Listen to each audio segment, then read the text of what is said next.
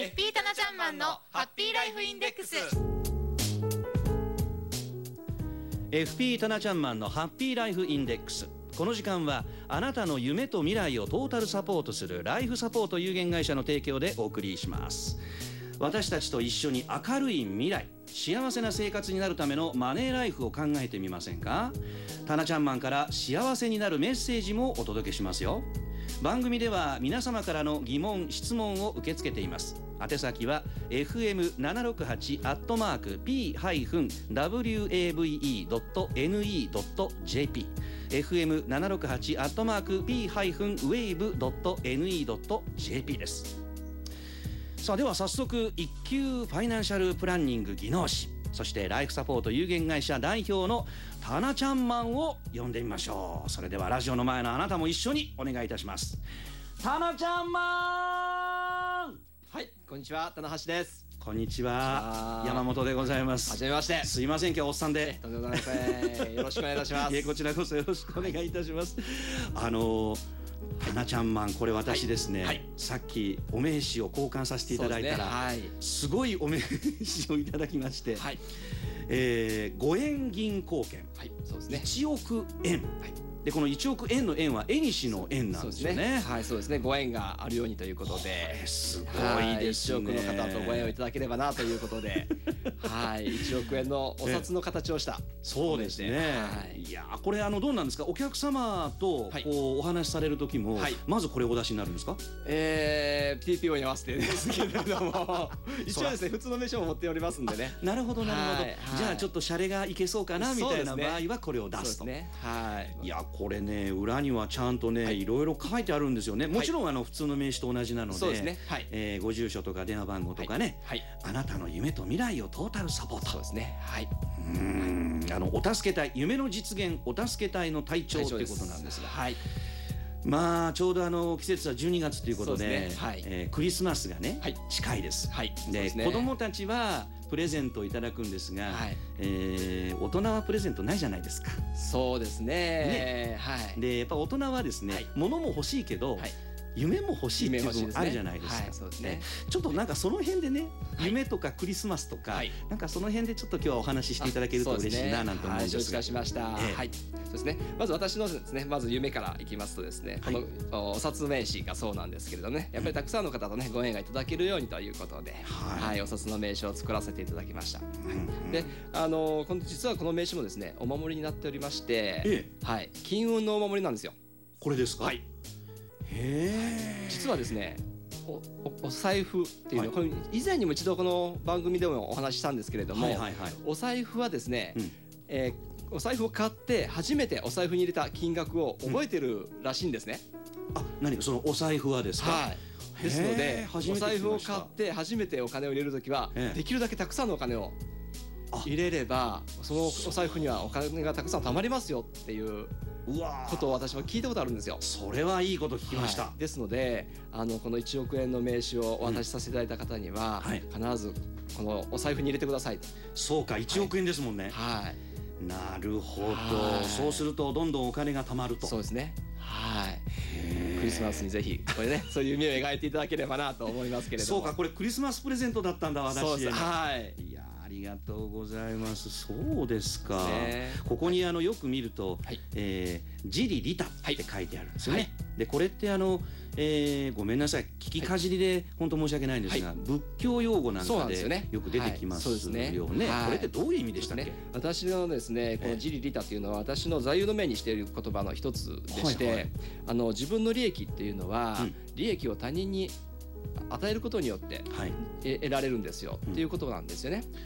はあ、なるほど。つまりあの情けは人のためならずっていうことわざもあると思うんですけれどもよく使いますね。はい、あれはその、ね、人に情けをかける親切にしてあげるのはその人のために良くないですよという意味でっていうふうにと、えー取られている方もいらっしゃいますけど実はそうではなくて人に親切にすると巡り巡って自分のためにもなっていきますよっていうことですよね。はいはいと同じようにですね仏教用語で自利利他他人の方に利益を与えることをすると、うん。じ巡り巡って自分の利益になってきますよ。っていうことなんですよね。なるほどね。は。よくじゃあ言うあの自分を捨ててというやつですか？はいね奉仕の精神みたいな感じですかね？はい。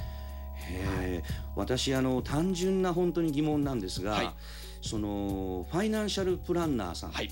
ですよね、はい。そしてもう一つ肩書き別の肩書きを持ってらっしゃると原潤からちらっと聞いてもいるんですがはい。なんか心理カウンセラーそうそうそうそう。そう、それがですね、はい。なんでこうつながるのかなっていうのがはいすごく不思議でですね、はい。なんでなんですかそうこれは？ですね。それを先週お話ししたんですけれども、ええ。はい、実はですねあのこのジリー・リターまさしくうそれが関係しておりまして、はい。この名刺の裏にも書いてありますけれどもね、うん。えー先ほどお山ちゃんが言っていただきました、はい。えーあなたの夢と未来をトータルサポートですね、夢の実現お助け隊の隊長ですから、うん。お客様のですねクライアントの夢を実現するお助けをさせていただいてます、お手伝いをさせてもらっています。はい。つまりお客様のクライアント様のですねクライアントの夢を実現する利益を与えることが私の利益になる。うん。つまり、えーそのお客様の夢っていうのはですねうん。一、人ずつやっぱり違うんですよね。ああそうですね。はい、それぞれやはり考え方違いますし、うん。えー夢描いてるう未来が違いますので、それをいかにお客様から引き出してお客様に合った提案ができるかっていうことが大事なんですよ。なるほど。だからカウンセラー。そうなんですよ。はい、提案する力はカウンあのコンサルタントなんですね。ファイナンシャルプランナーの。いわゆるプレゼンですよね。そうですね、はい。そうなんですけれども、お客様の夢描いてるう将来を引き出すうん。力っていうのはカウンセラーじゃないとできないんですよね。おー。はい。あそうか。そうするとそれはあれなんだ。昔からこれも言われてますね、聞き上手は話し上手なんだ、ね。はい。まさに。はい。はい、耳は二つありますけど口は一つですから。いいことをおっしゃいますね。眼蓄があるな。はい。ですね。なるほど、はい。そういうことでこのはい。2つの肩書きなんですか、はい、ですので提案する力ももちろんそうなんですけれども、はい。お客様のよ持っているより良いものを引き出したいということがありましたのでカウンセラーという、はい、資格を頑張って今まだままだまだ勉強中ですけれどもね、ええはい、これやっぱ奥が深いものなんですか？深いですね。うん私もですね、はい。実は何を隠そう、はい。えーミュージックあーヒーリングセラピスト。音楽療法士っていう。のを持っておりまして、はい。えーお前がってよく言われるんですが、えええー持っているんですね。はいですね。えやっぱりあの癒しなんですが、すね。ええー。こういろいろお聞きしてそれに合った音楽をかけるみたいなね。ね。えーはい。そんな感じなんですけどね。あのそうです心理学でもあの音楽療法っていうのが出てまいりましてありますよね。はい、音楽しあのセラピーやっぱりあります。はうーいねどうですか、タナちゃんマンとしては、この、えー、12月もあと残り少ないですが、えーはい。えーこの残されたあと20日間ぐらいですが、ね。これははい。絶対やって、今年は終えたいというのは何かごそうですね。ざいますでしょうか？えーそうですね。残りあと20日ぐらい、はい。えー一つ年を取りますのでね。この間に、ドキ。はい、実はあのと今年は冬至がずれるんですかね。あの、はウルー年ですからね、はい。えーへ平年ですとあの冬至が私誕生日ですのでね。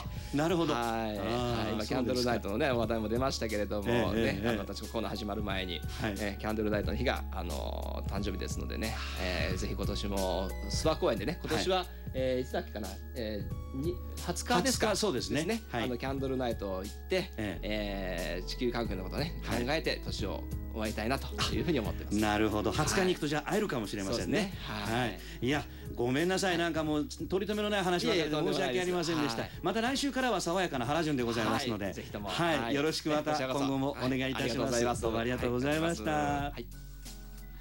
ライフサポート有限会社のホームページから過去の放送分ももちろんお聞きいただけますよ。内容を復習したいってあなたはチェックしてみてくださいね。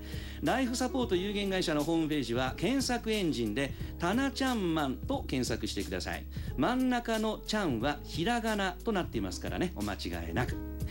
FP タナちゃんマンのハッピーライフインデックス。この時間はあなたの夢と未来をトータルサポートするライフサポート有限会社の提供でお送りいたしました。それではまた来週。この時間まあ私は来週会えませんけどまたこの時間でお会いさせていただきましょう。それではバイバイ。失礼します。